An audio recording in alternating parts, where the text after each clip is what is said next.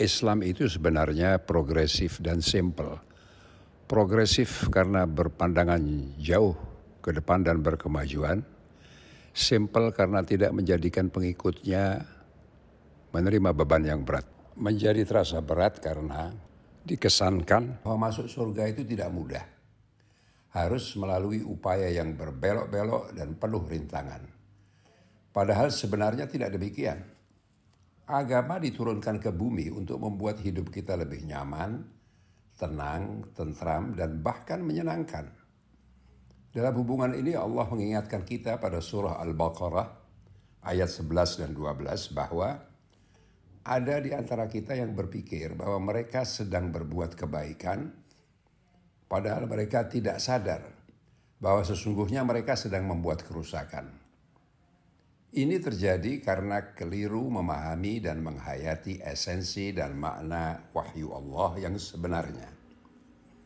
Juga sering kali banyak ustadz dan ulama yang menjadi panutan kaum beragama.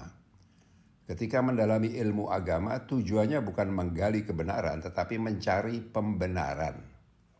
Mereka punya gagasan dan pemikiran tertentu terlebih dahulu, baru kemudian mencari dalil agama yang bisa mendukung gagasannya. Akibatnya terjadi kekacauan dan menimbulkan ketegangan antar umat karena pemahaman agamanya disesuaikan dengan selera dan kepentingannya. Allah dalam beberapa firman-Nya mengatakan bahwa Allah tidak akan memberi beban kepada manusia yang tidak dapat dipikulnya. Allah tidak membutuhkan apa-apa dari siapa pun termasuk dari manusia. Allah tidak minta disembah semua itu perintah dan larangan Allah. Kembalinya adalah untuk kebaikan manusia sendiri.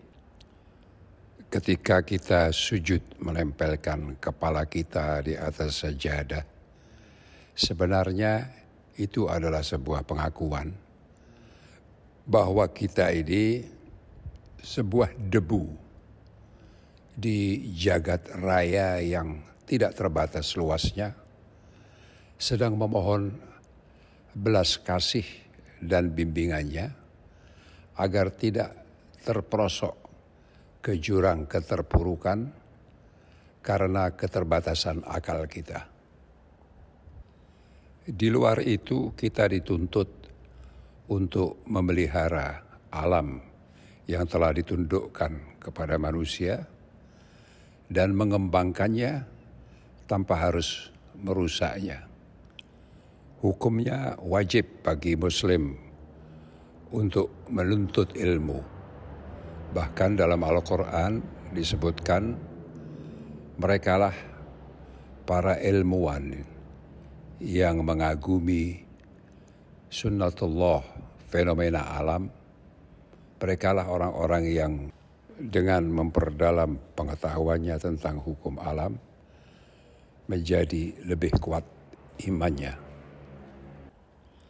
ketertinggalan umat Islam pada umumnya dalam ilmu pengetahuan dan teknologi pada beberapa abad terakhir ini tidak lain adalah karena salah menekankan makna ibadah. Ibadah bukan hanya sekadar ibadah ritual, tetapi termasuk di dalamnya menuntut ilmu dan mengamalkan ilmu itu untuk kemanusiaan dan kebaikan kehidupan di bumi ini. Sorga terbuka luas bagi mereka yang memelihara, menghargai, dan mengembangkan alam yang dikaruniakan Allah kepada umat manusia demi kebaikan bersama.